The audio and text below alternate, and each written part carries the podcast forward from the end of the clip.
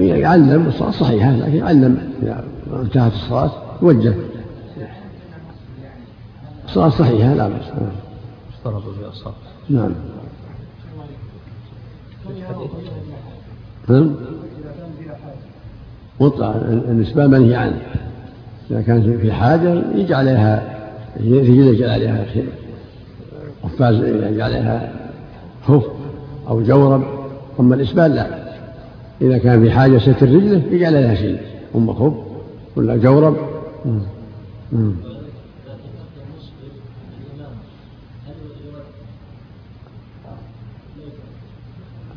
يعني يعلم يعلم ينصح ينصح الواجب عدم الإثبات نعم.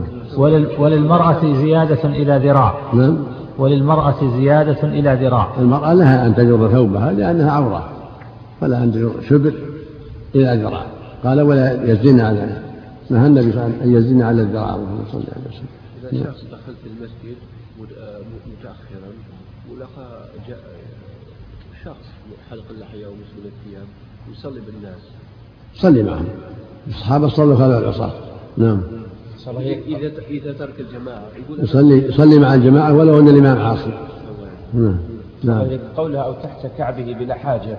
يقول كستر ساق قبيح هل هذا صحيح؟ لا ما هو شيء. لا الصواب أنه يستر محل الستر بغير إسباع إن كان في ساق الشيء يحط عليه الستر كان في رجل الشيء يلبس خف ولا جورب أما أنه يشبه ثيابه لا.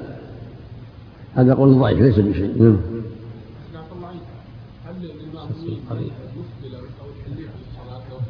نعم ولو قيمت جماعة في المسجد هل للمأمومين منع الحديقة والمسجد؟ والله الواجب الواجب يختاروا أفضلهم. السنة هي يختاروا أفضلهم. لكن لو صلى بهم مسلم صحت الصلاة مع الإثم مع إثمه. نعم. نعم. يصلي بالناس وليس عليه نعم. مثل الإمام. نعم. إليك حكم من نهى طلابة وأبنائه عن وضع ثيابهم إلى أنصاف الساق وقال ليس مناسبا في هذا الوقت. قد يكون من باب النصيحة من باب أنه إذا رفعوه صاروا يتهزون بهم ويؤذونهم الناس.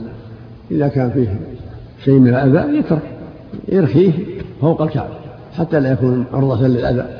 الصبر على الأذى أفضل نعم. الصبر على الأذى من الناس على إن صبر لا بأس إن صبر فلا بأس وإن أرخاه إلى الكعب فلا بأس. لا ينزل عن الكعب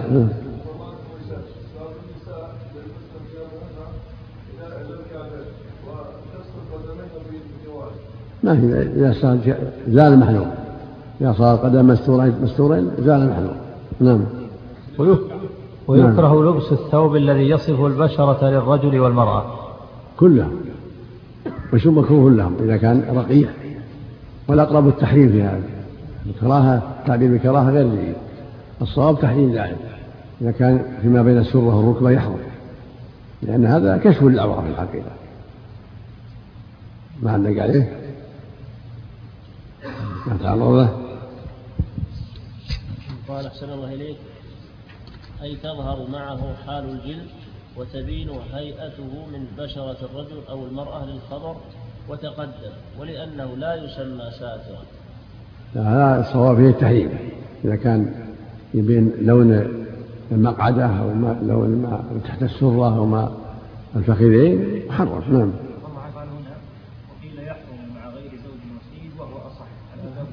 نعم الصواب الصواب التحريم ذلك. نعم. وثوب الشهرة وهو ما يشتهر به عند الناس ويشار إليه بالأصابع. كذلك ثوب الشهرة. ثوب إن شاء الله الأصابع يعني يستنكر. يعني ليس لباس قومه فليس لباس جماعته فلا يجوز هذا. بل يلبس لبس أهل بلاده وجماعته. لا حتى لا يكون ثوب شهرة. نعم. هذا كراهة التحريم أو كراهة التنزيل لا الأقرب التحريم. نعم. لكن أحسن الله إليك لو لبس الأحمر وكان لباسا لهذا اللون من الشهرة يترك لهذا؟ إذا كان في جماعة لا يلبسونه يترك نعم. إذا كان في جماعة لا يلبسونه يترك لا يصير ثوب شهرة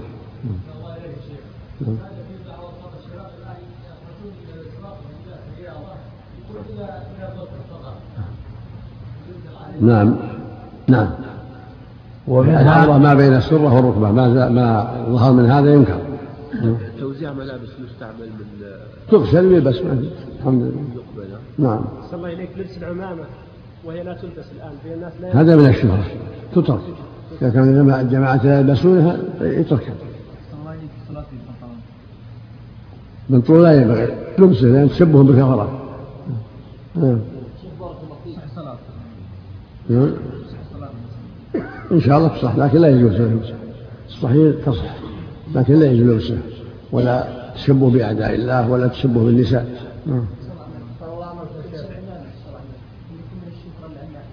إذا كان في قوم لا يلبسونها نعم. إذا كان ليس من لبسهم أما إذا كان من لبس المسلمين صار ما- ما اختلط على الناس مثل ركوب السيارة والطائرة. أما إذا كان لا غالب المسلمين في بلده لا يلبسونه لا يلبسه إذا البنطلون كان واسع. لا يلبس لباس الكفار يلبس لباس قومه. جماعته نعم. ها؟ ما يجوز نعم. ما يجوز. إذا كان وطأ ما بين على مرسح اللي اللي فوقها أمر سهل. نعم. الله يكون الشيخ أمر سهل كراهة وجيهة لكن ما بين السرة والركبة لا. محرم. البنطلون ليس من ملابس الكفار. ها؟ البنطلون ليس من ملابس الكفار يا شيخ. إنما ما بلغ لنا من ملابسه. الآن الكفار إذا لبسوا العمامة لا نقول من ما اعتاده الكفار إلا من عادة الكفار لا لا, لا يلبسه المؤمن. من شبه بقوم فهو منهم. نعم. والطيب كذلك يبين حجم الأعضاء. مكروه. نعم. مكروه؟ ضيق مكروه ولا محرم؟ قد يحرم. إذا يبان يبان العورة حجم العورة. الفرج يكون محرم. أما إذا كان من الصدر وما فوق النصف من باب الكراهة. نعم. هل يكون وضع الثوب إلى الساق إلى نصف الساق من الشهرة؟ نعم. إذا كان بين قوم, قوم بين قوم لا يفعلون يترك ذلك يرخص حتى لا يكون نعم. حتى لا يكون بين- بينهم من محل قيل وقال. لا بأس الحمد لله. ومنها أي من شروط الصلاة اجتناب النجاسة حيث لم يعف عنها ببدن المصلي وثوبه وبقعته وعدم حملها لحديث تنزه من البول فإن عامة عذاب القبر منه. وقوله تعالى وثيابك فطهر. بسم الله الرحمن الرحيم. اللهم صل وسلم على. يقول المؤلف رحمه الله من شروط الصلاة اجتناب النجاسة وهذا محل إجماع لا بد من اجتناب النجاسة. لقوله تعالى وثابت وطهر ولقوله صلى الله عليه وسلم تنزه من البول وإن عامة عذاب القبر منه ولحديث صاحب القبرين. ولما جاء في هذا الباب من الأدلة الأخرى من أمر المستحاضة تغسل أثر الدم من ثوبها وتحكه إلى غير ذلك من الأدلة الدالة على وجوب الطهارة للبدن والثوب من النجاسات. فإذا صلى وهو يعلم النجاسة بطلت صلاته نعم. والبقعة كذلك البقعة. نعم. والبقعة. والبقعة كذلك. جعل الإمام مسجدا وطهورا. نعم. نعم. صحيح. نعم. نعم. فمن حمل نجاسة لا يعفى عنها ولو بقارورة لم تصح صلاته. من حمل النجاسة لا يعفى عنها عالما ذاكرا بطلت صلاته. ولو في قارورة ولو في كيسة في ثوبه وفي جيبه. نعم. فإن كان معفوا عنها كمن حمل مستجمرا أو حيوانا طاهرا صحت صلاته. إذا كان هو عنها فلا حرج. كما صلى النبي بأمامة بنت زينب لأنها في حكم مستجمر وكما أذن الطواف طواف المرأة اللي معها الصبي قال صوف له حج ولك أجر. فالأصل الطهارة. فالمع في المستجمر الاستمار يطهر. نعم. الطفل إذا كان عليه حفايض. الطفل إذا كان عليه حفايض. الظاهر مثل المستجمر لأن, لأن الحفاية تصونه ما قد يخرج منه. نعم. صاحب مسألة البول الذي يحمل معه شيء من فيها البول. معفو عنه. والمستحاضة كذلك. نعم. للضرورة. نعم. للضرورة. للضرورة. نعم. نعم. أو لاقاها أي لاقى النجاسة لا يع... أو لاقى نجاسة لا يعفى عنها بثوبه أو بدنه لم تصح صلاته لعدم اجتنابه النجاسة. إذا لاقى النجاسة في ثوبه أو مصلاه أو بدنه وهو يعلم ذلك لم تصح الصلاة. بول أو عجرة أو غيرها من النجاسات في الثوب أو البدن أو المصلى الذي يباشره وهو يعلم ذلك ليس بجاهل ولا ناس. نعم. وإن مس ثوبه ثوبا أو حائطا نجسا لم يستند إليه أو قابلها رافعا أو ساجدا ولم يلاقها صحت أما لو كانت في نجاسة في جدار حوله أو في مكان في الأرض حوله لكن لا لا يباشرها وهي حول المصلى وإنما صلى على الطاهر فلا يضره ذلك. لو كان بساط أطرافه نجسة ولكن صلى على وسطه الطاهر أو طرفه الغربي نجس وطرفه الشرعي طاهر أو العكس وصلى على الطاهر لا حرج. أو صلى في أرض بعضها طاهر وبعضها نجس وصلى على الطاهر منها صحيح. نعم. الله عليك يا شيخ. هل يعفى عن يسير الدم في الثياب؟ يسير يعفى عنه يسير الدم نعم. بس حده عفى الله عنه. ما ما يعتقده صاحبه خفيفا على حسب ما يرى صاحبه. يستحسن. نعم. فرق بين المسفوح وغيرها. مطلقا نعم. على حسب ما يرى هو. نعم. إذا كان ما يصلي عليه. النجاسة من تحته. نعم. إذا مس. نعم نعم.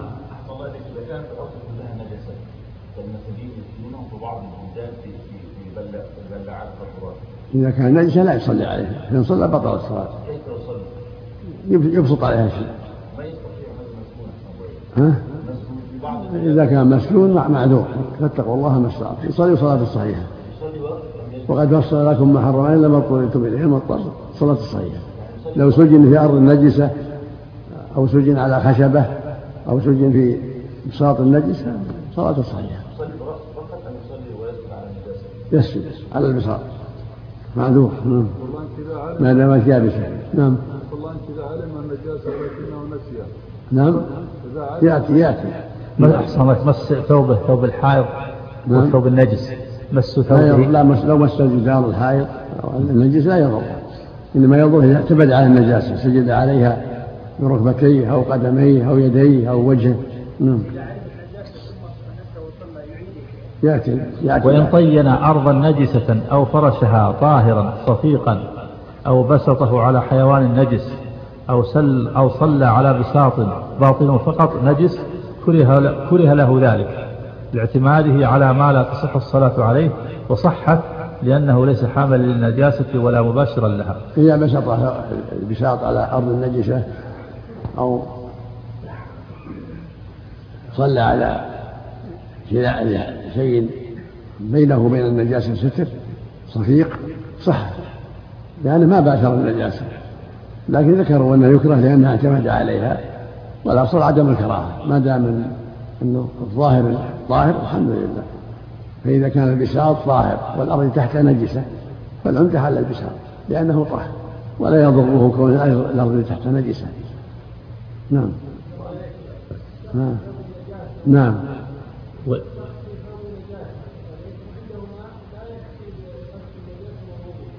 يتوضأ الوضوء أهم الوضوء أهم. لا تقبل صلاة بغير طهور الوضوء أهم من النجاسة في البساط لا يتوضأ ويصلي على النجاسة المضطر إليها يابسة. وإن كانت النجاسة بطرف مصلى متصل به صحت الصلاة على الطاهر ولو تحرك النجس بحركته. نعم إذا كان بساط أو مصلى طرفه نجس ولكن لا يصلي على النجس. صح الصلاة ولو تحرك طرفه. وكذا لو كان تحت قدمه حبل مشدود في نجاسة وما يصلي عليه منه طاهر. كذلك لو كان حبل طرفه نجس ويصلي على طرفه طاهر لا لا يضره ذلك. نعم. إن لم يكن مطلقا أو نعم. إن لم يكن متعلقا مطلقا. إن لم يكن متعلقا به بيده أو أما إذا كان يجر مربوطا به جره طرفه نجس مربوطا ببطنه. أو رأسه أو رقبته هذا يصير حامل للنجاسة لو كان الحبل طرفه نجس أو طرفاه نجس وهو متحزم به يكون حامل للنجاسة نعم. إن لم يكن متعلقا به نعم. بيده أو وسطه بحيث ينجر معه بمشيه فلا تصح. نعم. لأنه مستتبع لها فهو كحاملها. نعم. نعم. إذا كان ينجر. نعم. مثل الحبل أطراف الحبل نجس أو إحدى طرفيه نجس. ويقوم به يقعد نعم هو حامل له نعم إذا كان الحبل طرفه طاهر لكن ينجر. تنجر النجاسة. يصير حامل لو كان طرف الحمل مربوط فيه وطرفه الآخر في الأرض نجس فهو حامل له نعم. وإن كانت سفينة كبيرة أو حيوانا كبيرا لا يقدر على جره إذا استعصى عليه صحت لأنه ليس بمستتبع لها نعم إذا كان في سفينة أو سيارة أو حيوان لا يستطيع جره فهذا ما يكون مستتبع والصواب أنه إذا صلى على الحيوان لا بأس النبي صلى على الحمار والحمار نجس لكن أصله الطهارة ظاهره الطهارة مثل القط والبغل يحكم بطهارتهما. فإذا ولهذا صلى على النبي صلى على الحمار. وقال في الهرة أمر أن يصالها الإناء فهما في حكم الطاهرات البغل والحمار والهر في حكم الطاهرات إذا صلى على ظهر الحمار ولو كان تحتها النجاسة لكن ظهره طاهر أو ظهر البغل حكم حكم الطاهرات هذا الصواب. نعم. ولو لم يبسط عليه شيء. ولو ما وصف شيء نعم. صلى الله عليه أحسن الله هذا خاص بالحمار فقط أحسن الله الحمار والبغل نعم. نعم. لأنهما لأنهما يستعمل كان النبي يستعملهما صلى الله عليه وسلم نعم. وسلم ومن رأى عليه نجاسة بعد صلاته وجهل كونها أي النجاسة فيها أي في الصلاة لم يعدها لاحتمال حدوثها بعدها فلا تطلب بالشك وإن علم أنها أي النجاسة كانت فيها أي في الصلاة لكن جهلها أو نسيها أعاد لو صلى ثم علم أن في ثوبه نجاسة أو في مصلى نجاسة لكن لم لم لم يعلم أنها في الصلاة فإن صلاته صحيحة. أما إن علم أنها في الصلاة أصابته في وأن ولكن نسيها أو جهلها يعيد هذا أحد القولين. وقول الثاني أنه لا يعيد إذا جهل أو نسي لا يعيد لأن النبي صلى الله عليه وسلم لما أخبره جبرائيل أن في نعليه أذى خلعهما ولم يعد أول الصلاة بل استمر فيها. فالصواب أنه لو صلى على ثوب أو صلى نجس ولم يعلم إلا بعد الصلاة صلاته صحيحة. أو صلى في ثوب نجس ولم يعلم إلا بعد الصلاة صلاته صحيحة. لحديث النعلين. ولو ولو. نعم. كما لو صلى محدثا ناسيا. أما المحدث الذي صلى المحدث يعيد ناسيا أو غيره متى علم أنه صلى محدثا هذا عليه أن يتطهر ويعيد الصلاة. لأن الرسول قال لا تقبل صلاة بغير طهور. ويقول صلى الله عليه وسلم لا تقبل صلاة أحد إذا أحدث حتى يتوضأ. ومن جبر عظمه بعظم النجس. يخبر المصلي ينوم من من يصلي به نعم لا لا ما علم هو اللي يعيد. ومن جبر عظمه بعظم نجس أو خيط جرحه بخيط النجس لم يجب قلعه مع الضرب بفوات نفس أو عضو أو مرض ولا يتمم, ولا يتمم له إن غطاه اللحم. إذا جبر عظمه بنجس ولم يتيسر قلعه فلا حرج عليه للضرورة وصلاته صحيحة. أما إذا أمكن إزالته بجب ضرة يجعل حط مكانه الطاهر نعم. وإن لم يخف ضررا ضررا لزمه قلعه إذا كان ما خاف ضررا. أزاله وبدله بالطاهر نعم. وما سقط منه أي من آدمي من عظم أو سن فهو طاهر. أعاده أو لم يعد. ما سقط من الإنسان فهو طاهر. الأصل في الطهارة. ما صار من الطاهر فهو طاهر. وسنه طاهرة وإصبعه طاهرة ويده مقطوعة طاهرة. نعم. وما سقط منه أي من آدمي من عظم أو سن فهو طاهر. أعاده أو لم يعده. هذا هو الأصل نعم. لأن ما أبين من حي فهو كميتته. نعم. وميتة الآدمي طاهرة. نعم. وإن جعل موضع سنه سن شاة ملكاة فصلاته معه صحيحة. وين وين؟ وإن جعل موضع سنه سن شاة ملكاة فصلاته معه صحيحة. ثبت أو لم يثبت. نعم لأنه سن طاهر. إذا كان إذا كان المناكاة طاهرة. فإذا جعل سنا حيوان في مكان سنه فلا بأس نعم ووصل المرأة شعرها بشعر حرام. أحسن الله إليك أليس السن. لا يجوز الوصل. الوصل الرسول نهى عن الوصل. ولعن الواصلة والمستوصلة والواشمة والمستوشمة نسأل الله العافية. نعم. ولا بأس. سن الميتة نجس. نعم. سن الميتة نجس. أحسن الله إليك. السن السن ما يدخله النجاسة العظم نعم. تقييده ملكات هنا. هذا مقصوده انها إنها تدخله النجاسة إذا كانت ميتة تبع جسمها. ولكن الأقرب أنها لا تدخلها النجاسة. نعم. ولا بأس بوصله بقرامل وهي الأعقصة وتركها أفضل. أما وصله بقرامل وهو من أجل الدجيس مثل ما يفعل مع الأطفال تربط أطراف الشعر حتى لا ينتشر. هذا ما يسمى وصل. هذا ضبط له لئلا ينتشر. نعم. وتركها أفضل. الأمر فيها واسع الأمر واسع. ولا يسمى وصل الوصل هو الذي تصل الشعر بشعر يلتبس يكثره ويلتبس به الأمر. أما وربط أطراف شعر الصبيات وأطراف أفلات الذي لا ينتشر لا بأس ليس من وصف لأن يعني الشيء يوضع يشاهد يعرف. ولا تصح الصلاة بلا عذر فرضا كانت أو نفلا غير صلاة جنازة في مقبرة. نفس صلاة المقبرة. لأن الرسول نهى عن ذلك. وقال لعن الله اليهود من اتخذوا قبور انبيائهم مساجد إلا صلاة الجنازة لأن النبي صلى عليه في المقبرة. صلى الله عليه وسلم.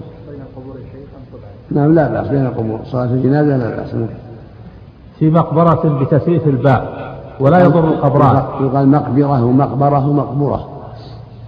تثليث الباء نعم. ولا يضر القبران ولا يضر قبران أو قبر واحد. ما سمى مقبرة إلا إذا كان ثلاثة فأكثر الصحيح أنها سمى مقبرة مطلقة. ولو ما فيها إلا قبران. ما دام عدة مقبرة لا يصلى فيها. ولو ما فيها إلا قبر واحد. نعم. ولا ما دفن بداره. وكذلك ما دفن بدار لا يصلي حوله. صار مقبرة. ولا ينبغي الدفن في الدار ينبغي الدفن مع المسلمين لا يدفن في دار. ولا في ينبش ويجعل مع المقابر لا يدفن في دار. ولا في حش بضم الحاء وفتحها وهو المرحاض. إذا كان محل نجاسة إذا كان فيه نجاسة هو لا يصلى فيه. نعم. ولا في حمام داخله وخارجه وما يتبعه في البيت. إن الرسول نهى رسول الله الصلاة في المقبرة والحمام لأن الحمام محل النجاسات. نعم. داخله وخارجه وما يتبعه في البيت. المقصود داخله. أما خارجه ما يضر. لو صلى على سطحه سطح الحمام ما يضر لأن المقصود البعد عن النجاسة. فظاهره بعيد عن النجاسة بخلاف داخله. أما المقبرة لا العلة العلة الشرك. فلا يصلى فيها مطلقا. أما الحمام لو صلى في ظاهره وليس في الحمام صحت الصلاة أو سطحه. نعم على الصحيح. والحش ليس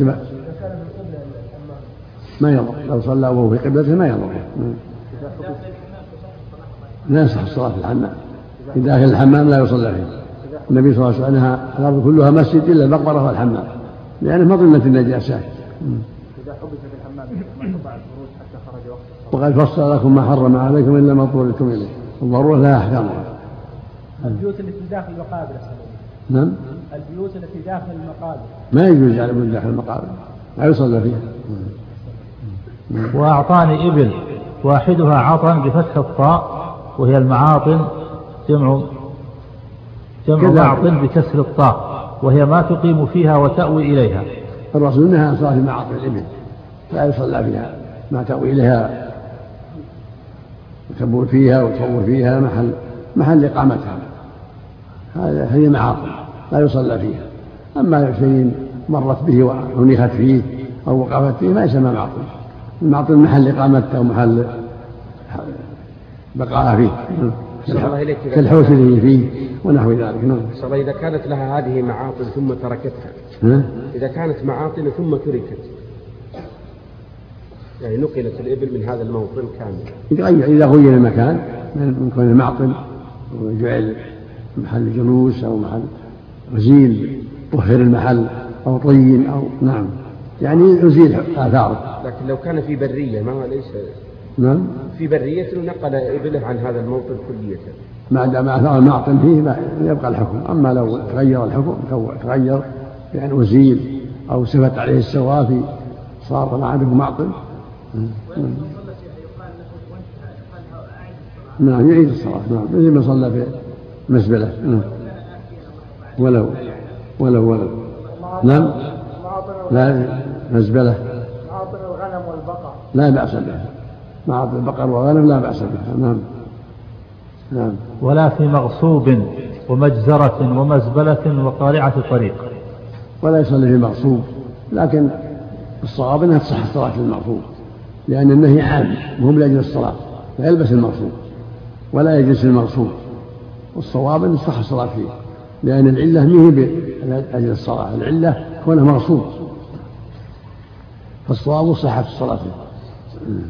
ومجزرة ومزبلة وقارعة طريق المزبلة والمجزرة إن كان فيها نجاسة ولا صحت الصلاة؟ كان مزبلة فيها نجاسة أو مجزرة فيها نجاسة ولا صحت الصلاة؟ نعم. قارعة الطريق والحديث ضعيف الذي ورد في ذلك. نعم.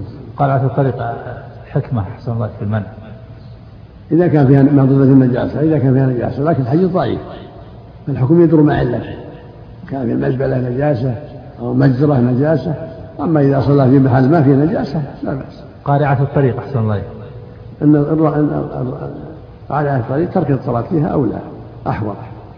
الرسول نهى عن الجلوس في قارعة الطريق والمبيت في قارعة الطريق لأنها عرضة لإيذاء الناس.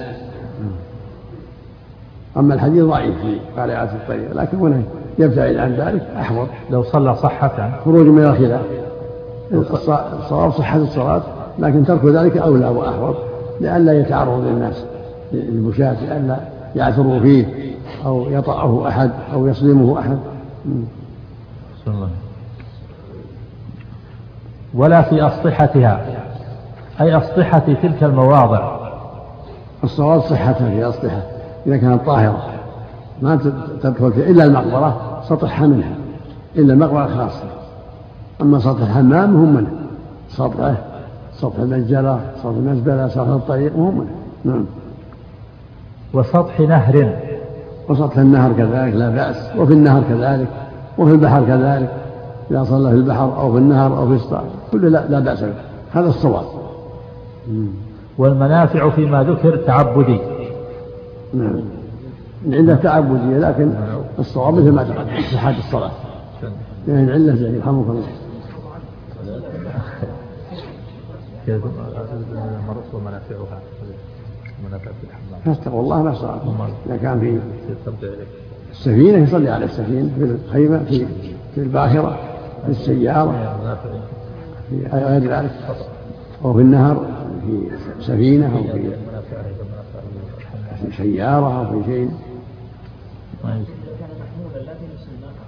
لا المقصود كان على على سطح الماء فإذا تيسر له الصلاة عليه فلا بأس. إن دعت الحاجة إلى هذا. كالذي في سفينة أو في باخرة. نعم. والمنع فيما ذكر تعبدي لما روى ابن ماجه والترمذي عن ابن عمر رضي الله عنهما أن رسول الله صلى الله عليه وسلم نهى أن يصلى في سبع مواطن المزبلة والمجزرة والمقبرة وقارعة الطريق وفي الحمام وفي معاطن الإبل وفوق ظهر بيت الله. الحديث ضعيف لكن المعاطن ثبت فيها الحديث والمقبرة والحمام ثبت في حديث آخر. نعم. فوق ظهر بيت الله. نعم. فوق ظهر بيت الله. الصلاة كلها ضعيف. فوق ظهر بيت الله صحيح. نعم مثل ما يصلي في جبل أبي قبيس في البلاد البلاد الرفيعة. المقصود الهوى هوى تابع قول الفقهاء الفريضة ما تصح. صح. نعم. قول الفريضة ما تصح وتصح النافلة. نعم. القول بأن الفريضة تصح لا لا تصح وتصح النافلة فوق ظهر بيت الله. لا. كلها تصح لكن ينبغي يصلي فريضة في الخارج. ولا كلها صحيح. لكن كونه يصلي فريضة في الخارج خروجا من الخلاف حسن. نعم. وتصح الصلاة إليها أي إلى تلك الأماكن مع الكراهة إن لم يكن حائل الصلاة إليها لا بأس بها ولا كراهة إذا كان ما هو فيها. إذا صلت إلى حمام أو إلى قارعات الطريق أو إلى معاطل الإبل ولم يصلي فيها الحمد لله. نعم. اشتراط الحائل أحسن الله لا لا لا دليل عليه. نعم. لو صلى ولو إلى حائل ولو ما أنا حائل ما دام خارجها لا حرج.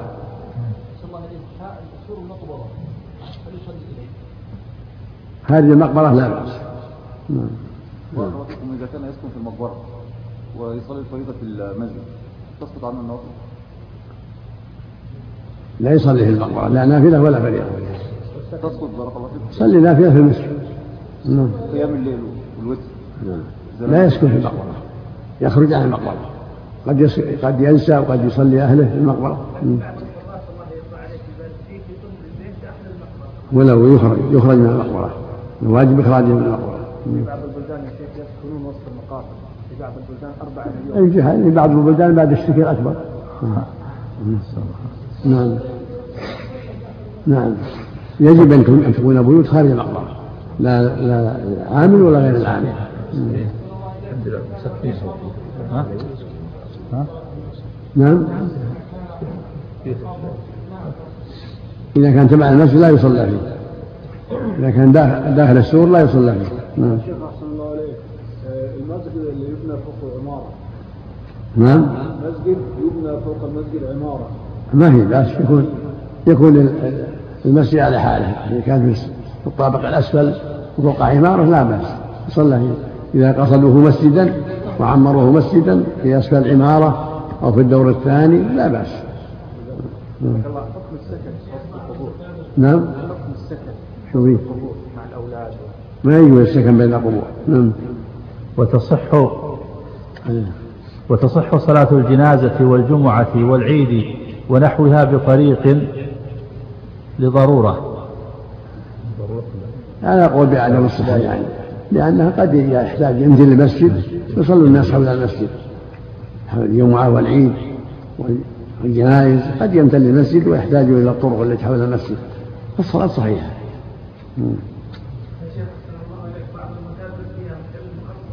نعم.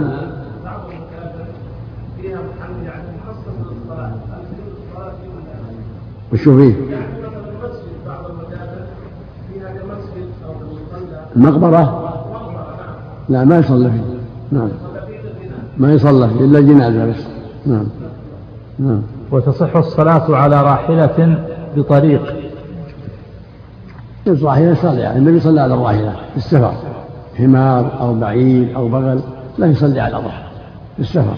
نعم. وفي سفينة ويأتي. وفي السفينة وفي الباخرة في الطيارة في السيارة. الحمد لله. نعم. ولا تصح الفريضة في الكعبة ولا فوقها والحجر منها. هذا قول جمع من أهل العلم والصواب أنها تصح الفريضة. النبي صلى في الكعبة نافلة والاصل جواز. ما جاز به النافله جاز به إلا بدليل. لكن كونه يصلي فريضه خارج هذا أولى خروجا من الخلاف. يصلي خارج الكعبة خروجا من خلاف العلماء. نعم. وإن وقف على منتهاها بحيث لم يبقى وراءه شيء منها أو أو وقف خارجها وسجد فيها صحت لأنه غير مستدبر لشيء منها.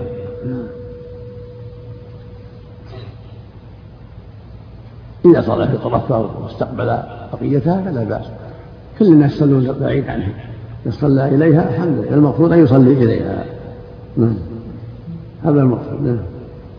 صلى الله.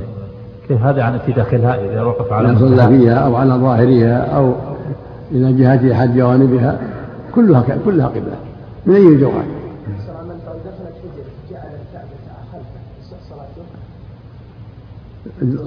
جو الجحيم كلها من الكعبة إلا طرفه اليسير. هو نحو سبعة أذرع كلها من الكعبة لكن الذي ينبغي يكون يكون وجهه إلى الكعبة في الحجر. الكعبة القائمة. نعم. يشترط وضع السترة. لا وضع السترة مستحب. قدامه إذا صار ما قدام الشيء نعم. كلها كل جهاتها هواها كلها قبلة. كل هواها قبلة نعم. صلى الله عليه وسلم يا شيخ. سائل يقول في مقبرة أكثر من 100 عام وهذه القرية أزالوا معالمها وعظامها فهل يجوز المزرعة فيها؟ هذا ينظر يراجع المحاكم المحكمة. إذا وزيلت مثل ما أزال النبي قبور في مسجده وجعلها مسجد عليه الصلاة والسلام. إذا أزيلت على وجه شرعي زال حكمها. النبي صلى الله عليه وسلم كان محل مسجده مقبرة للمشركين. فأزال قبور وأزال الحفر وجعل محلها مسجد. فإذا رأى ولي الأمر أو المحكمة الشرعية أن هذه المحل يزال لا بأس. نعم. إذا دعت المصلحة إلى ذلك نعم. وتصح النافلة والمنذورة فيها وعليها. تصح النافلة في الكعبة وعليها والمنذورة كذلك والفريضة على الصحيح. نعم نعم باستقبال باستقبال شاخص منها نعم. أي مع استقبال شاخص من الكعبة. من الكعبة. جدار أو عمود. فلو صلى والصواب أن أن هواها كعبة. نعم. فلو صلى ولو ما استقبل شاخص. فلو صلى على جبل أبي قبيس إلى جهة الكعبة أو في عمارة رفيعة جدا كان الهواء هواء الكعبة. وهم لزوم جسمها. الناس صلوا في كل بلد في أقطار الدنيا إلى جهة الكعبة. نعم. معنى باستقبال الشخص منها يعني لو كان فوق جبل فوق الكعبة ما نعم ما, ما يصح على هذا؟ نعم. على صلى على جبل حول الكعبة ما هواها. صح ما استقبل شاخص في هذه الحالة على هذا ما لزم. على هذا القول. الصواب ما ما, ما يحتاج شاخص يعني على هذا القول ما تصح الصلاة الهواء يكفي هواها يكفي. جهتها يكفي. فلو صلى إلى جهة الباب أو على ظهرها ولا شاخص متصل بها لم تصح. نعم. ذكره في المغني والشؤون نعم. هذا ضعيف. نعم. فلو صلى إلى جهة الباب أو على ظهرها ولا شاخص متصل بها لم تصح. ذكره في المغني هذا قول ضعيف. الصواب أنها تصح. نعم. وفي الشرح عن الأصحاب الهواء يكفي. هواها يكفي. نعم. هواها يكفي. فإذا صلى في قصر في مكة رفيع أو جبل الرفيع إلى جهة الكعبة صح. نعم. ذكره في المغني وفي الشرح عن الأصحاب نعم. لأنه غير مستقبل لشيء منها. نعم. وقال في التنقيح اختاره الأكثر. وقال في المغني الأولى أنه لا يشترط لأن الواجب استقبال موضعها وهوائها دون حيطانها. هذا هو الصواب نعم. ولهذا تصح على جبل أبي قبيس وهو أعلى منها. هذا هو الصواب وقدمه في التنقيح وصححه في تصحيح الفروع. هذا هو الصواب. قال في الإنصاف وهو المذهب على ما اصطلحناه هو الصواب نعم إذا صلى بجانب الكعبة ثم لما سلم وجد أنه يصلي على غير اتجاه القبلة منحرف وهو بجانبها يبعد عنها 20 متر أو أكثر. إذا صلى إلى غيرها يعيد الصلاة. انحرف قليلا يعني لو اليسير عفى عنه نعم. مشى إليها لم يقصد الله. ها؟ لو مشى إليها لما أصابه. أي ما ما تصح صلاته نعم. ويستحب. ويستحب نفله في الكعبة بين الاسطوانتين بين الاسطوانتين وجاهه إذا دخل. كيف على سم. طيب أحسن الله بقي جملة, نعم. جملة واحدة جملة واحدة تنتهي الشرط هذا. ويستحب نعم. نعم. ويستحب. نفله في الكعبة بين الاسطوانتين وجاهه إذا دخل لفعله عليه الصلاة والسلام. يستحب. إذا دخل الكعبة يصلي أمامه لأن الرسول لما دخل صلى أمامه عليه الصلاة والسلام. بينه وبين جدار الكعبة الغربي ثلاث أذرع وفي أي محل صلى من الكعبة؟ كفى. النافلة فيها النبي دخلها لكن ما هو لازم هي متأكدة. ولهذا لما قالت عائشة يا رسول الله لي أن أصلي في الكعبة أصلي في الحجر فإنه من البيت. بين الأسطوانتين بين العمودين نعم. شيخ الله يجزاك خير. ثلاثة مليون فرد يسكنون بالمقابر ولا وحقتهم أن لا مأوى لهم غيره. إيش؟ إيش؟ ثلاثة مليون مسلم يسكنون في المقابر. وحقتهم أن لا مأوى لهم غيره فأين يذهبون؟ إذا جت الصلاة تروح للمساجد والبقعة لما فيها مقابر. سكنى وصلاة وكل شيء. يعلمهم إذا رجعت إليهم علم أنه لا يجوز. لابد يخرجون يصلوا خارج المقبرة. نعم. صلوا في مساجد أو في بقع أخرى. يدوروا يلتمسون أراضي يصلون فيها. التنفل في السيارة. صلى إليك. نعم. أقول يستحب أن يصلي قبالة الباب. نعم. أقول إذا دخل يستحب أن يصلي قبالة الباب. يصير الباب وراه ومنها أي من شروط الصلاة استقبال القبلة أي الكعبة. نعم. ومنها أي من شروط الصلاة استقبال القبلة أي الكعبة أو جهتها لمن بعد. سميت قبلة لإقبال الناس عليها. قال الله تعالى فول وجهك شطر المسجد الحرام. بسم الله اللهم صل وسلم من شروط الصلاة المجمع عليها استقبال القبلة. استقبال عينها وهي الكعبة عند قرب واستقبال الجهة عند البعد إذا خشيت عليه فالجهة تكفي لقول الله جل وعلا ومن حيث خرجت فولي وسط المسجد الحرام وحيثما كنتم فولوا وجه شطره شرط من شروط الصلاة نعم. الفرض والنهي. نعم. فلا تصح إلا إلا ما استثني. نعم. فلا تصح الصلاة بدونه أي بدون استقبال إلا لعاجز كالمربوط لغير القبلة والمصلوب وعند اشتداد الحرب لا شرط إلا لعلة كالمصروب إلى غير القبلة والمريض اللي ليس عنده من يعد غير القبلة وفي حال الحرب لم يتيسر استقبال القبلة بسبب الحرب مثل في النافلة في حال السفر مم.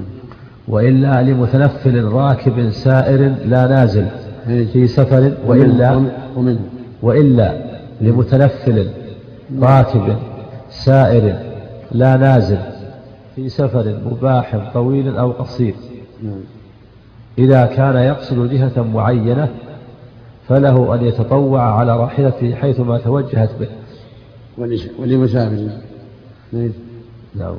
وإلا لمتنفل نعم. راكب سائر لا نازل نعم. في سفر مباح طويل أو قصير مثل ما فعل النبي صلى الله عليه وسلم كان يتنفل على راحلته في السفر عليه الصلاة والسلام فإذا تنفل على راحلته في السفر أو سيارته في السفر فلا بأس في النافلة أما الفريضة لا ينزل يستقبل القبلة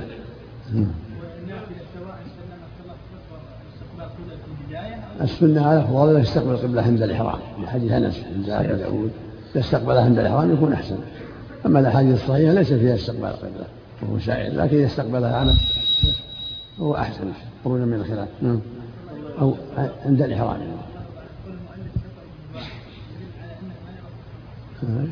نعم الأكثر ما يرى شر المعصية. لا لا لا في الرخص. لأن الله شرع لعباده. رفقا بهم ورحمة لهم. فلا يستبيحون ما حرم ما شرع الله لهم بالمعاصي. وذهب قوم أهل العلم إلى أنه لا فرق بين سفر المعصية والطاعة في استحباب الرخص. وهذا قول أظهر أظهر في الدليل أن السفر مطلقا. المسافر يقصر ولو كان سفره محرما. لأن هذا شيء وهذا شيء. هو يأثم بسفر محرم وله الترخص والترخص من أسباب دعوته إلى الله ومن أسباب تنبيهه على شرع الله نعم. فعل النبي ما فعل النبي إلا في السفر والأصل وجوب القبلة. الأصل وجوب استقبال القبلة هذا هو الأصل. نعم. مثل الحكم في خلاف في الخلاف. نعم. نعم. سائق شيخ. نعم. قائد السيارة هل له؟ نعم. سائق السيارة. السائق. الذي يظهر لي إنه ما ينبغي له لأنه في خطر إذا تنفل في خطر يصدم أو أو يقع في حفرة أو ما أشبه ذلك قد يشتغل بالصلاه يقع في كارثه نعم. ليس له أن ينصرف عن القبلة. يجب عليه استقبال القبلة. ما دام نازل أو في الحضر يجب استقبال القبلة. نعم. في النفل كالح- كالفريضة. نعم. إذا كان يقصد جهة معينة نعم. فله أن يتطوع على راحلته حيثما توجهت به. كما تقدم لفعله صلى الله عليه وسلم سواء الشرق ولا الغرب إلى أي جهة. هل هناك مسافر لا يقصد جهة معينة؟ نعم. هل هناك مسافر لا يقصد جهة معينة؟ يقول إذا كان يقصد جهة معينة. الظاهر له تحرز من اللي يعلن يلعن. مم. ما ما جهة معينة. نعم. صاحب الصيد أحسن الله إليك نعم. ولو صاحب الصيد. لا صاحب الصيد يقصد جهة معينة. قد يقصد هذا أو كذا يلتمس الصيد. نعم.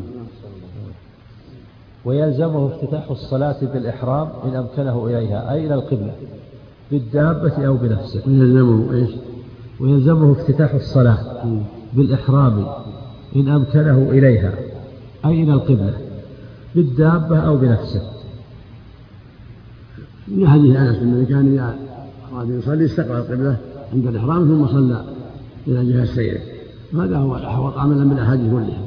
نعم. سواء بنفسها أو بالدابة. وبنفسه يستقبل القبلة أو يجعل الدابة إلى القبلة. نعم. لكن أحسن الله عليك في دليل على استثناء الذي لا يقصد جهة معينة. الظاهر والله أعلم يعني, يشبه, يشبه, اللاعب. هو مسافر. يشبه اللاعب اذا ما قصد جهة معينة ليس مسافر. يعني ما كاللاعب. القول هذا ليس ببعيد لكن ما يقال احسن الله اليك على على القول الآخر الذي اخترتموه ان هذا اولى من من من سافر سفر معصيه. الله أعلم. إذا كان ما قصد جهة معينة هو أشبه باللاعب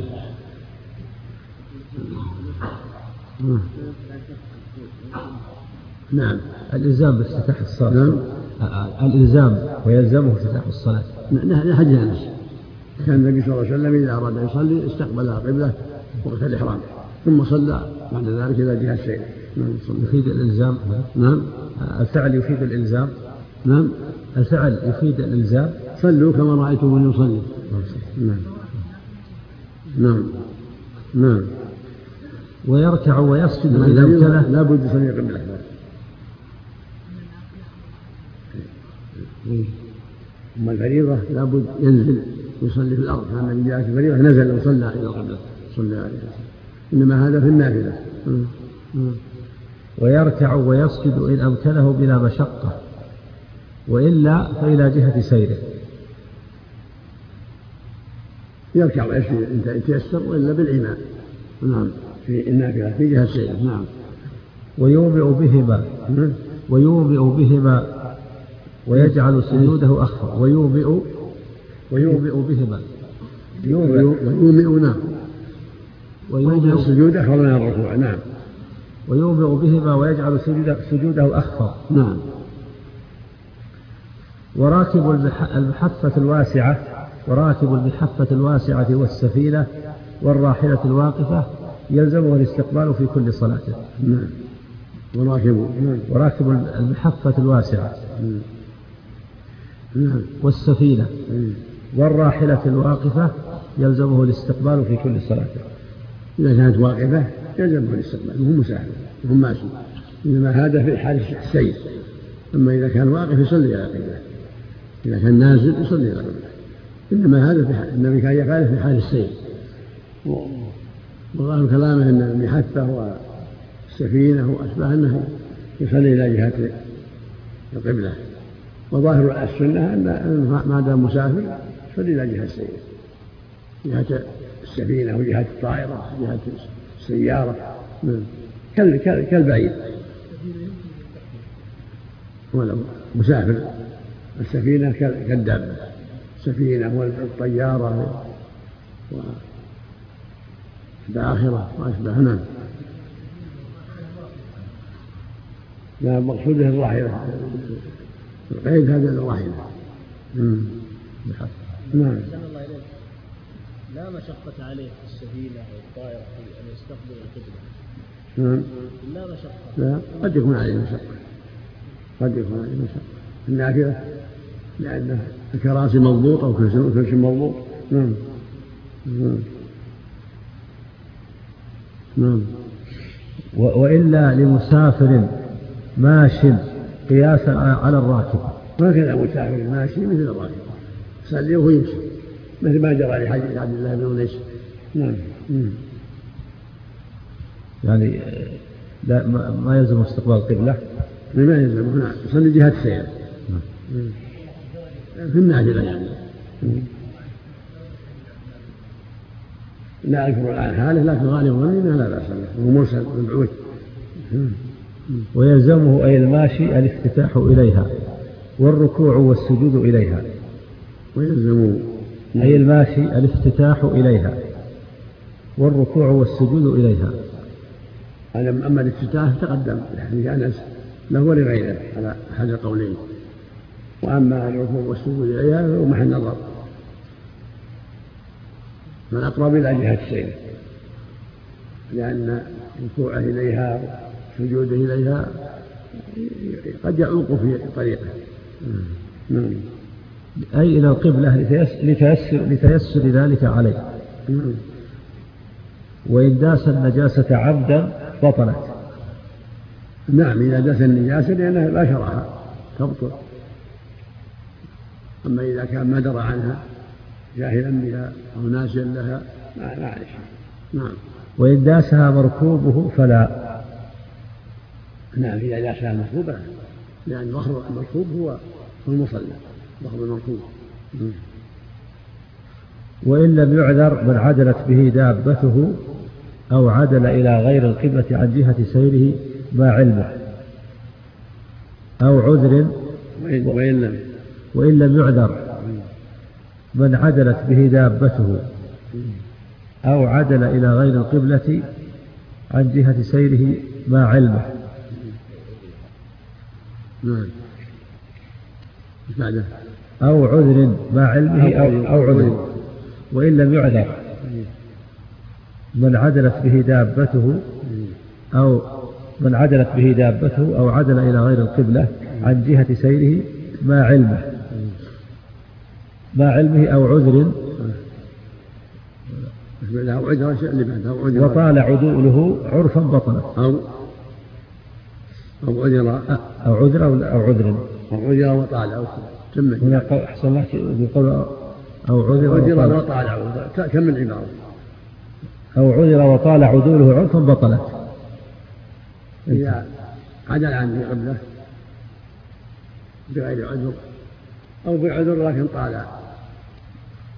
عدوله عن القبلة ومن رد وإن لم يعذر من عدلت به دابته. أو عدل إلى غير القبلة عن جهة سيره ما علمه أو عذر وطال عدو أو عذر وطال عدوله عرفا بطلت أو عذر. نعم. لا أو عذر. المقصود إذا لم يعذر بطل الصلاة. قبلته جهة سيره. إذا عدل عن جهة سيره قليلا ما طال العذر أو عذر ولكن طال فإنها هناك صلاة غير لأن جهة سيره هي قبلته بجهة قبلة لغيره. لأنه يدل على التساهل وعدم المبالاة فجهة سيره هي قبلته نعم. هنا حاشا يقول قوله وإن لم يعذر ما عدلت به دابته أي بأن قدر على ردها ولم يفعل نعم. وكان عالما بالعدول نعم. وقول أو عذر وطال عدول أي من عدلت به دابته لعجزه عنها. نعم نعم. إما الجماح أنا ضعف عذر أو عذر. أو عذر وطال عذر نعم. وفرض من قرب من القبلة أي الكعبة وهي من أمكنه. عندنا وحيا نعم إيش؟ وفرض من قرب من من القبلة أي الكعبة وهي وهي من أمكنه. وهو إيش؟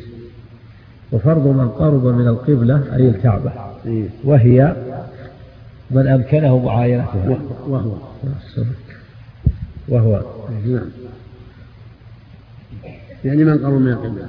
وفرض من قرب من القبلة أي الكعبة وهو من أمكنه معاينتها أو الخبر عن يقين إصابة عينها. أو أو الخبر عن يقين نعم. إصابة عينها. هذا فرض من قرب منها. تمكن من إصابة عينه فرضه يستقبلها بعينها. كالذي في المسجد الحرام أو قريب منه بحيث يرى الكعبة فرضه يستقبل العين. نعم. إصابة عينها ببدنه كله. نعم. بحيث لا يخرج شيء منه عن الكعبة. هذا هو فالذين يرونها استقبل عليه استقبال عليهم استقباله بعينها نعم.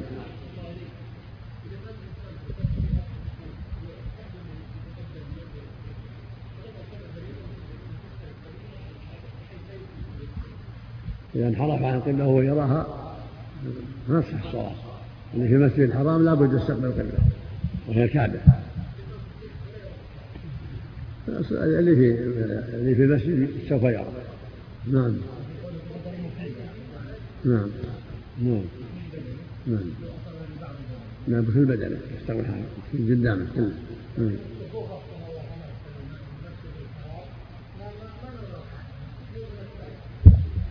لو ما رأيتها إذا استقبلتها عينها كفى. نعم.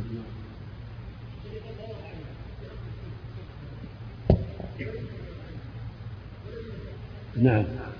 ولا يضر علو ولا نزول. ما يضر علو ولا نزول. لو كان في أسفل الأرض في جهة تكفي ولو كان في كان في علو طائرة ثلاثين ألف كيلو أو أربعين ألف كيلو في جهة تكفي نعم. العلو والسفل لا يضر. المقصود الجهة.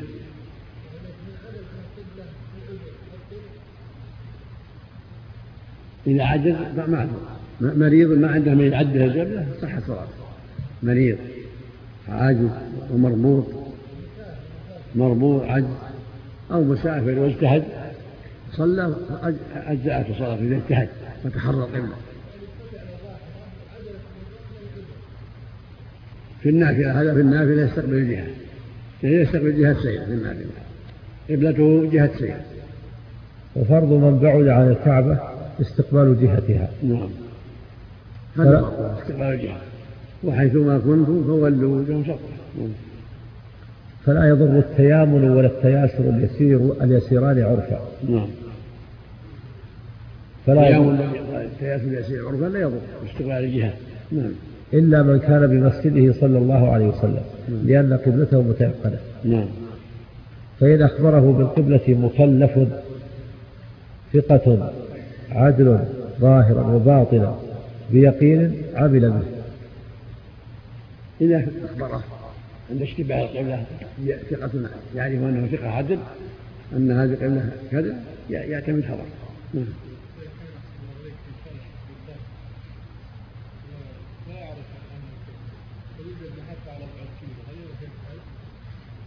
نعم يسأل. إذا اجتهد إذا خفي عليه يسأل. أهل المحطة. حتى يغلب على ظنه أنه إلى القبلة نعم. ما يعتمد ما, ما يلزم الاعتماد عليه نعم. لكن باطنا أحسن الله إليك. نعم. أقول العلم بالعدالة باطنا هذا وجيه أو بالظاهر إذا قال عدل ظاهرة. باطن علم يعني حالة جار الله أو رفيق الله يعرف حالة. ولا في العمدة على الظاهر الأعمال الظاهرة. إذا كان ظاهره العدالة كفى مقصود الباطن هنا الاستقامة كان يعرف من الاستقامة.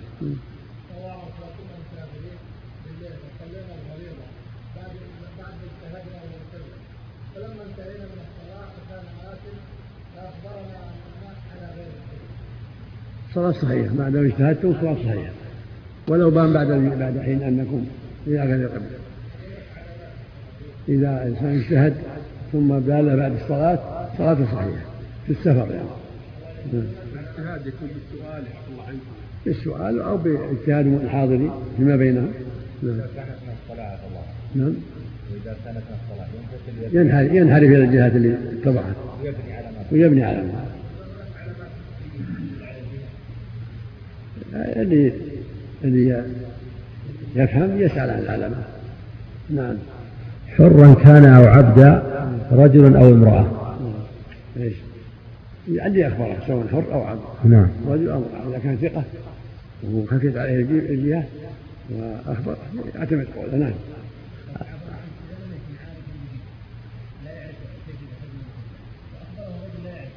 يجتهد. وجودك عدمه يتحرى. نعم. أو وجد محاريب إسلامية عمل بها. أو وجد محاريب كذلك يعمل بها. نعم. لأن اتفاقهم عليها مع تكرار الأعصار إجماع عليها. فلا تجوز مخالفتها حيث علمها للمسلمين ولا ينحرف. ويستدل عليها في السفر بالقطر ويستدل عليها في السفر بالقطر وهو أثبت أدلتها لأنه لا يزول عن مكانه إلا قليلا. وهو نجم خفي شمالي. وحوله أنجم دائرة كفراشة الرحى في أحد طرفيه الجدي والآخر الفرقدان. يكون وراء ظهر المصلي بالشام وعلى عاتقه الأيسر بمصر. يستدل بالنجوم إذا كان له معرفة. يستدل بقطب وغيره إذا كان له معرفة. نعم لأن الله قال وعلامات بالنجم هم يهتدون للطرق والسبل إذا كان عنده بصيرة وإذا وجد جهاز يعين على ذلك فلا بأس. نعم. ويستدل عليها بالشمس والقمر. نعم. ومنازلهما أي منازل الشمس والقمر. في, في هنا يعرف القبلة جهة الغرب وفي الشرق يعرف من جهة الغرب هي القبلة واللي في الغرب يعرف من جهة الشرق هي القبلة وهكذا. واللي في الشمال يراها جنوب واللي في الجنوب يراها شمال. الجهات تبين للمؤمن تعلم نعم. إذا كانت جربت جيدة نعم.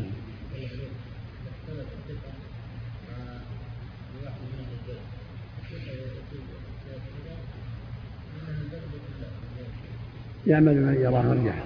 من يراه عنده أرجح وأوثق. نعم نعم. ومنازلهما أي منازل الشمس والقمر تطلع من المشرق وتغرب بالمغرب نعم. ويستحب تعلم أدلة القبلة والوقت. يستحب الإنسان يتعلم أدلة القبلة وأدلة الوقت. حتى إذا ابتلي على بصيرة. يتعلم جهة القبلة إذا كان في السفر. دخول الوقت. نعم. فإن دخل الوقت وخفيت عليه لزمه أي التعلم. نعم. لابد يلزم اللزوم إذا دخل الوقت. وهو جاهل يلزمه أن يسأل عن الوقت عن القبلة حتى يصلي على بصيرة. إذا كان جاهل. نعم. يعني كمعرفة النجوم يعني يعرف يعرف يسأل أخوياه يسأل أهل البلد إذا كان غريب في البلد ولا عنده مساجد واضحة.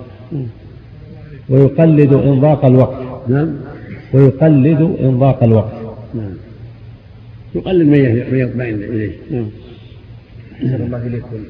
يقول هذا الرجل يقول سكننا منزلا جديد ولم نعرف جهة القبلة إلا بعد شهر ونصف والمرأة تصلي إلى غير القبلة. هل تؤمر بالقضاء؟ الأقرب والله أعلم تؤمر بالقضاء لأجل تفريطها. الأقرب والله أعلم تؤمر بالقضاء مفرطة ما سألت سم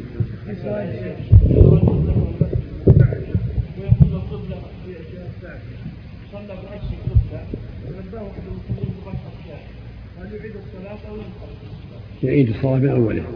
نعم. أحسن الله إليك. رجل صلى ولم يسأل مع وجود محطة على صلى إلى غير القبلة يرجع لا ما يصلح. إلا إذا كان اجتهاد جهاد واضح يرى أنه مصيب. نعم.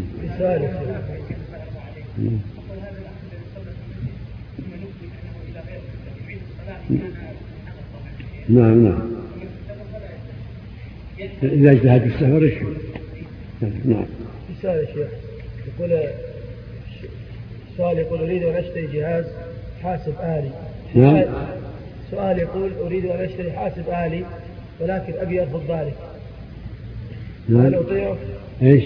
يقول أريد أن أشتري جهاز حاسب آلي بحاجتي إليه وأبي يرفض ذلك هل أطيعه جزاكم الله خيرا ما فهمت كلامك شو يقول يشتري كمبيوتر أحسن الله الابن يريد أن يشتري كمبيوتر إيه. ووالده يرفض عليها. يقول هل أطيع والدي فلا أشتريه؟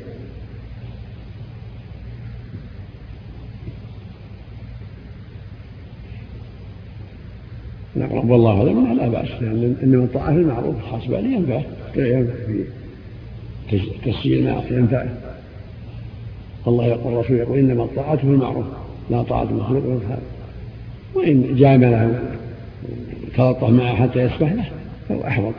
كونه يتلطف معه لعله يبين له المصالح والفوائد لعله يسمح وإن اجتهد مجتهدان فاختلفا جهة لم يتبع أحدهما الآخر وإن كان أعلم منه وإن اجتهد مجتهدان فاختلفا جهة لم يتبع أحدهما الآخر وإن كان أعلم منه ولا يقتدي به.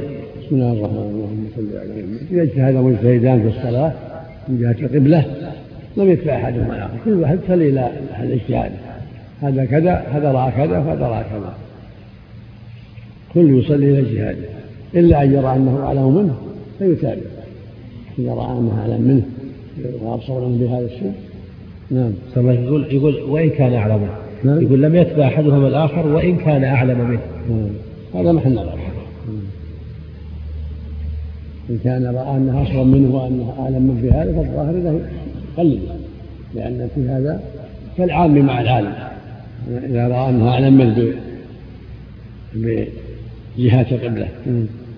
شلون نحشي عليه؟ نتعرض نعم. نعم. ولا يقتدي به لأن نعم. كل ولا يقتدي به لأن كل منهما يعتقد خطأ الآخر. نعم. الظاهر إذا كان لا منه ولا غلب ظنه أنه أصوب منه وأن الصواب عنده فإنه يتبعه. إذا غلب ظنه أن الصدق الصواب عنده لأنها أعلم منه كما يقلد في المسائل الأخرى. نعم. أما إن كان يكون كل واحد يرى أن الآخر مخطئ فلا يقلد أحدهم الآخر. نعم نعم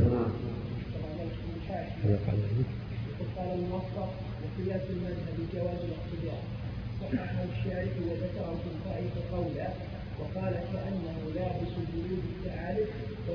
ذكره إيش؟ إيش؟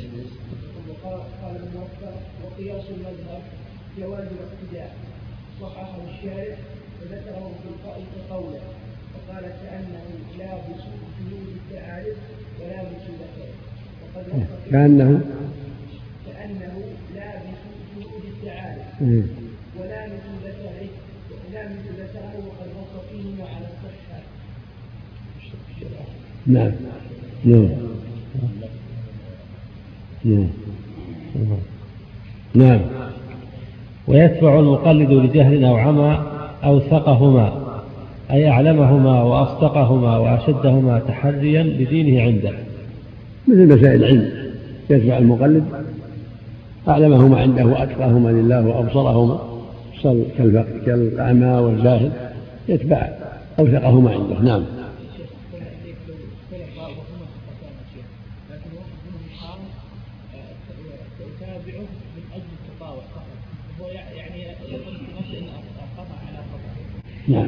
لأن الصواب إليه أقرب.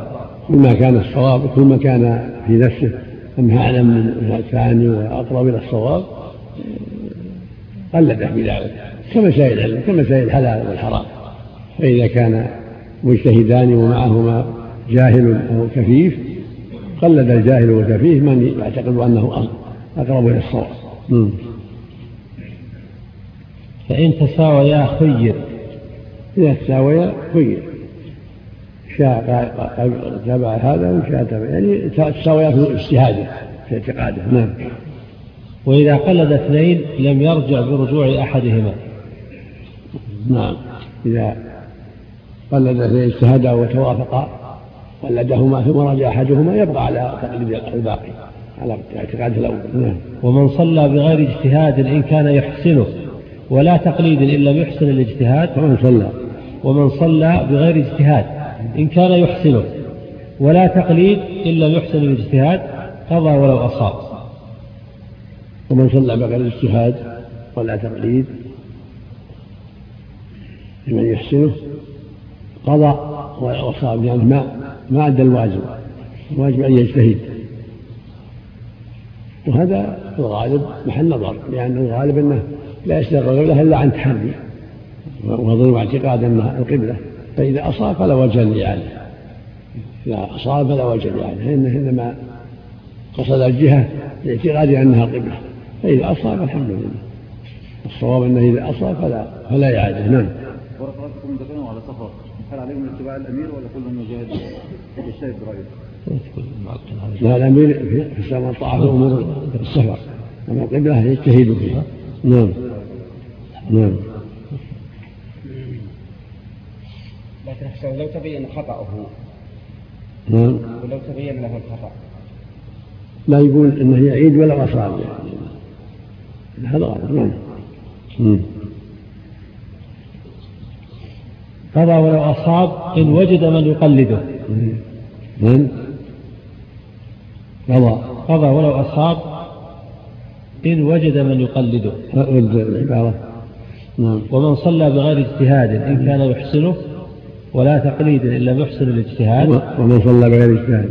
إن كان يحسنه. نعم. ولا تقليد إن لم يحسن الاجتهاد. قضى ولو أصاب إن وجد من يقلده. نعم. إن صلى بغير اجتهاد وبغير تقليد. فإنه يقضي.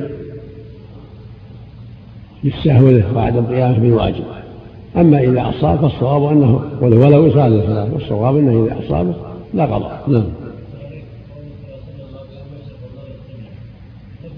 على قول الجهاد يعني. عام. نعم.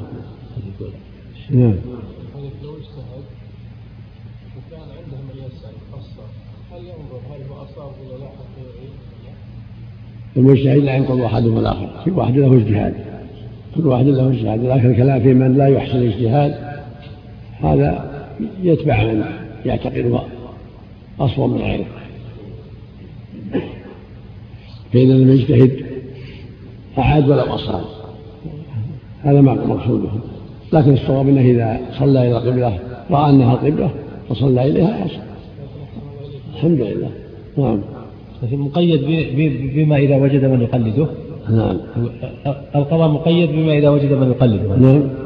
كان قيد القضاء إذا وجد من يقلده. يقول قضى ولو أصاب إن وجد من يقلده. مقيد بهذا؟ معناه أنه إذا لم يجد أحدا لا يعيد. لا يقول. اللي يظهر أنه إذا أصاب لا لا يعرف عليه لأنه إنما قصد الجهة التي يرى أنها القبله هذا نوع من الاجتهاد نوع من التحلل نعم. ما قصدها إلا أن يعتقد أنها القبله نعم. نعم.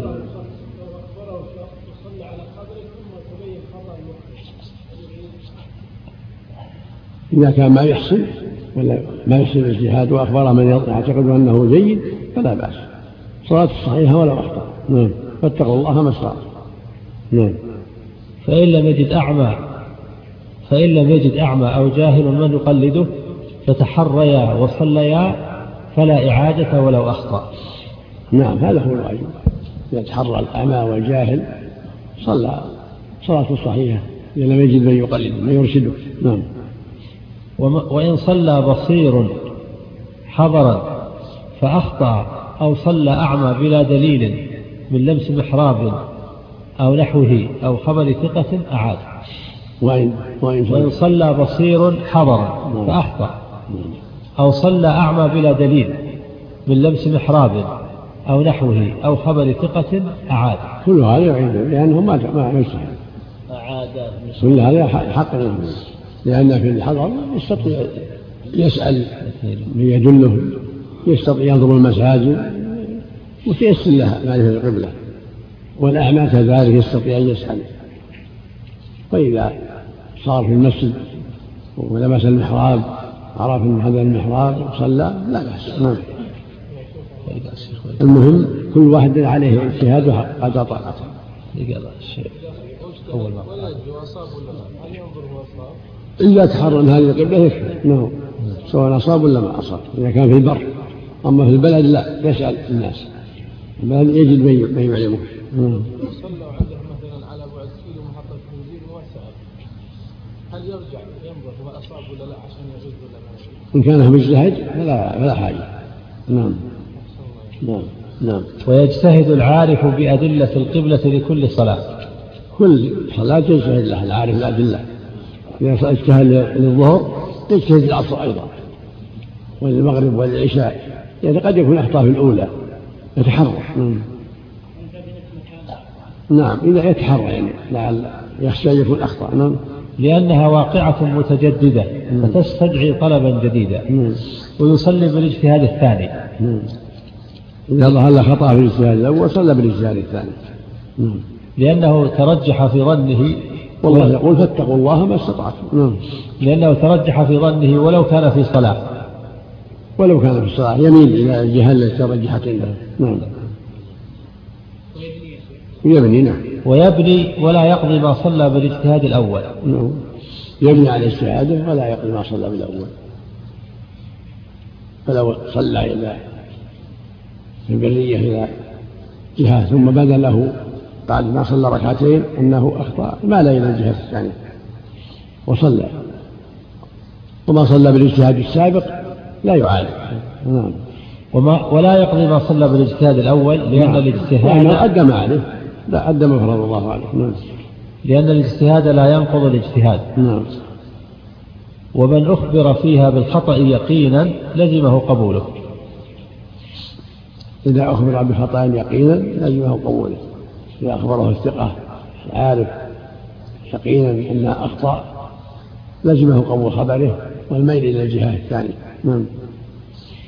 وإن لم يظهر لمجتهد جهة السفر وإن وإن لم يظهر لمجتهد جهة في السفر صلى على حسب حاله.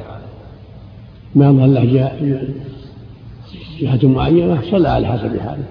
لأي جهة؟ لكن في الغالب أنه لابد يترجح عند الشيء يعمل بما ترجح عنده.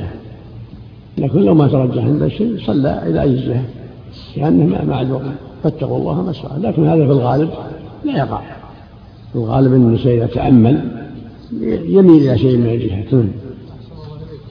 إذا لم يترجح له ما عليه شيء نعم. ما ظهر له شيء. نعم. إذا لم يظهر له صلى إلى أي جهة نعم. لا يصليها الوقت على حسب الحال نعم.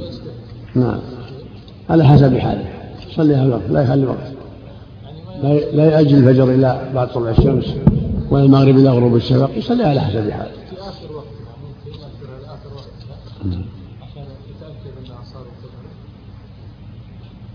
ما دام في الوقت فلا بأس.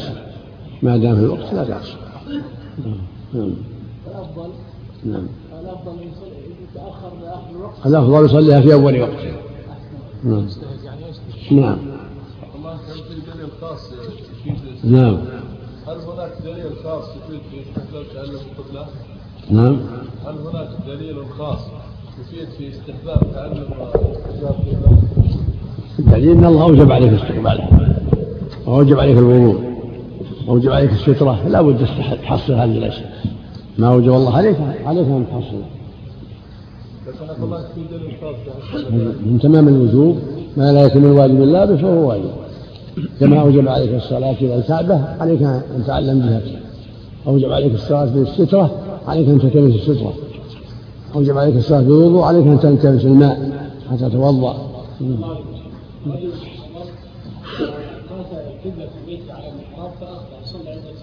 إيش إيش قاس على محراب مسجد قريب منه فأخطأ.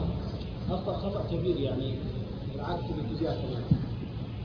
فهل يعيد الصلاة؟ إذا الحضر نعم. مقصد لأن الحضر لا القبلة في واضح ومنها أي من شروط الصلاة النية وبها تمت الشروط وهي لغة القصد وهو عزم القلب على الشيء وشرعا العزم على فعل العبادة تقربا إلى الله تعالى. بسم الله اللهم صل وسلم على رسول الله. منها يعني من شروط الصلاة النية. وهي الشرط الأخير هنا وهي الشرط التاسع. من شروط الصلاة النية وهي القصد. يقال نواك الله بك هذا يعني قصدك. والمراد النية هنا قصد فعل العبادة. هذا معناها اصطلاحا قصد فعل العبادة. من صلاة أو صوم أو حج أو صدقة أو عيادة مريض أو ما أشبه ذلك. قال الرسول صلى الله عليه وسلم إنما الأعمال بالنيات وإنما لكل امرئ ما نوى. قال جل وعلا من كان يريد العاجلة عجلنا له بها ما نشاء لمن نريد. قال ومن أراد الآخرة وسعى لها سعيه فأولئك كان سعيهم مشكورا. نعم. ومحلها القلب. محلها القلب. التلفظ بها غير مشروع. ولكن ينوي بقلبه أن يصلي الظهر يصلي العصر يعود المريض. هذه هذه السنة. محلها القلب. التلفظ بها بدعة. نعم. والتلفظ بها ليس بشرط. إذ الغرض جعل العبادة لله تعالى. التلفظ بها غير مشروع. نعم. وليس بشرط أيضا. نعم. وإن سبق لسانه إلى غير ما نواه لم يضر. لو سبق لسانه بشيء نوى الظهر وسبق لسانه العصر ما ما يضره من عنده هذا ما في قلبه. فيجب أن ينوي عين صلاة معينة فرضا كانت كالظهر والعصر أو نفلا كالوتر والسنة الراتبة. نعم عليه ينوي العبادة التي أرادها من ظهر أو عصر أو صلاة ضحى أو وتر أو ما أشبه ذلك. إنما الأعمال بالنيات نعم. لحديث إنما الأعمال بالنيات. نعم. ولا يشترط في الفرض أن ينويه فرضا. فتكفي نية الظهر ونحوه. نعم لا يشترط أن ينوي فرض. إذا نوى الظهر كفى لو ما جعل باله أنها فرض معلوم أنها فرض. أو نفل المقصود نية العبادة نية يصلي الضحى. ولو ما خطر على باله أنها فرض أو نفل نية يصلي الظهر يصلي الجمعة يصلي جنازة نحن ولا في الأداء ولا في القضاء نيتهما. كذلك. نية الأداء والقضاء. الأداء فعلها بوقت والقضاء فعلها خارج الوقت. فلا يشترط أن ينوي الأداء أو القضاء. متى عين العبادة كفى لأن التعيين يغني عن ذلك. نعم. ويصح قضاء بنية أداء وعكسه إذا بان خلاف ظنه. لأن القضاء هو الأداء. فيصح نية القضاء للأداء والأداء للقضاء لأن معنى إذا قضيتم إذا أديتم ما أدركتم فصلوا وما فاتكم فاقضوا معناه فأتموا. فلو نوى العبادة أداء. ثم تبين أنها فعلت في غير الوقت لن يضر. أو نواها قضاء يظن أن الوقت قد خرج ثم بان أن الوقت لم يخرج صارت أداء ولم يضره. قصده القضاء نعم. ولا يشترط في النفل والإعادة. أي الصلاة المعادة نيتهن. نعم. فلا يعتبر أن ينوي الصبي الظهر نفلا ولا أن ينوي الظهر من أعادها معادة. كما لا تعتبر نية الفرض وأولى. يكفي نية التعيين. صلى الظهر. ولما جعل باله الفرضية أو صلى الضحى ولما جعل باله النفل قصد العبادة كافي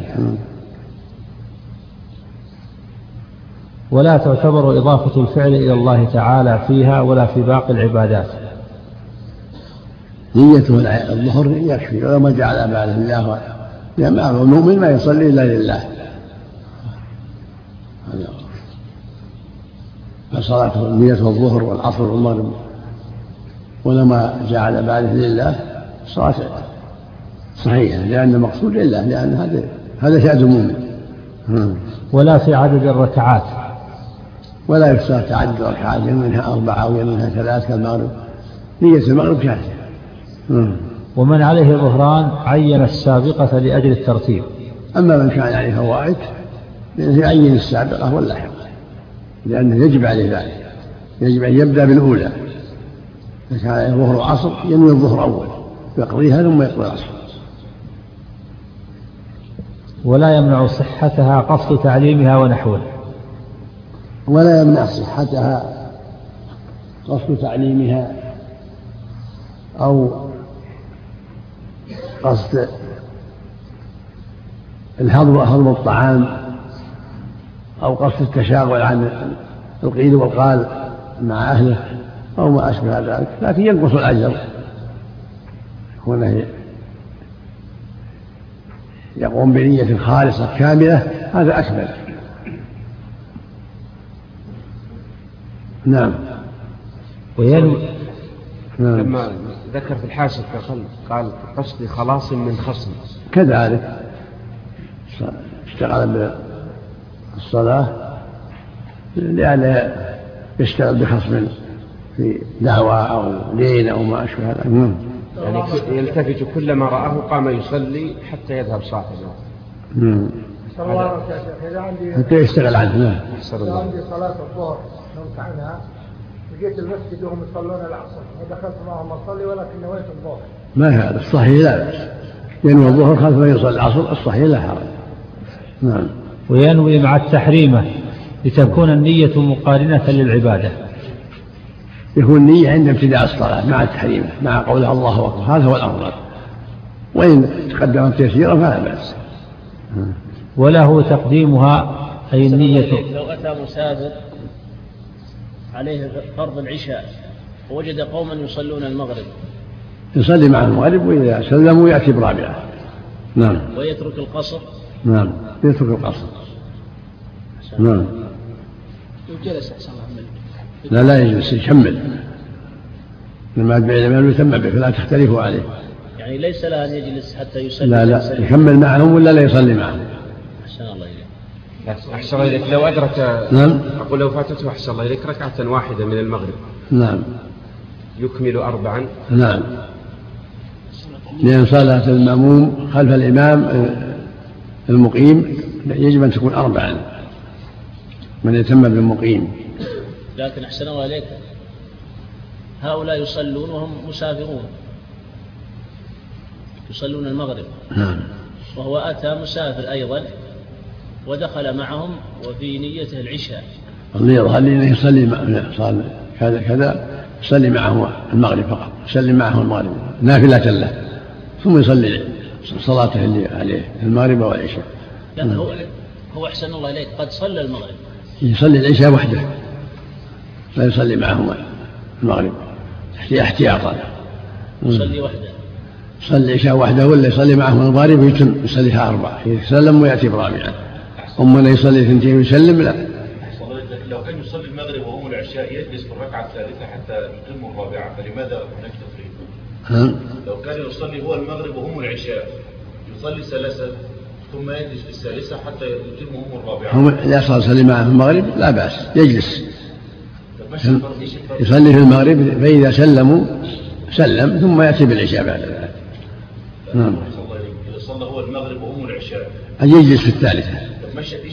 حتى يسلم لأن ما ما, ما, ما هو يصلي معهم العشاء. يصلي معهم المغرب. نعم. نعم. نعم.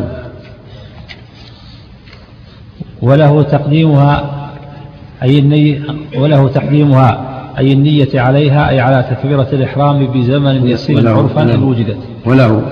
وله تقديمها أي النية عليها أي على تكبيرة الإحرام. بزمن يسير عرفا إن وجدت النية. نعم إذا تقدم يسيرا فلا حرج. نوى ثم بعد دقيقتين أو ثلاث كبر ما يضر. نعم إن وجدت النية في الوقت أي وقت المؤداة نعم. إن وجدت النية في الوقت أي وقت المؤداة والراتبة ما لم يفسخهما. المقصود تقدمها يسير لا يضر. ما لم يفسخهما ما لم يهون. فإن قطعها في أثناء الصلاة أو تردد في فسخها بطلت. إذا قطع النية هون بطلت. هون عن الصلاة. أو تردد هل يهون أو ما يهون الأقرب في التردد لا تنقطع حتى يجزم هذا هو الأقرب. أما إذا جزم بطلت. ما تكلم عليها أو تردد.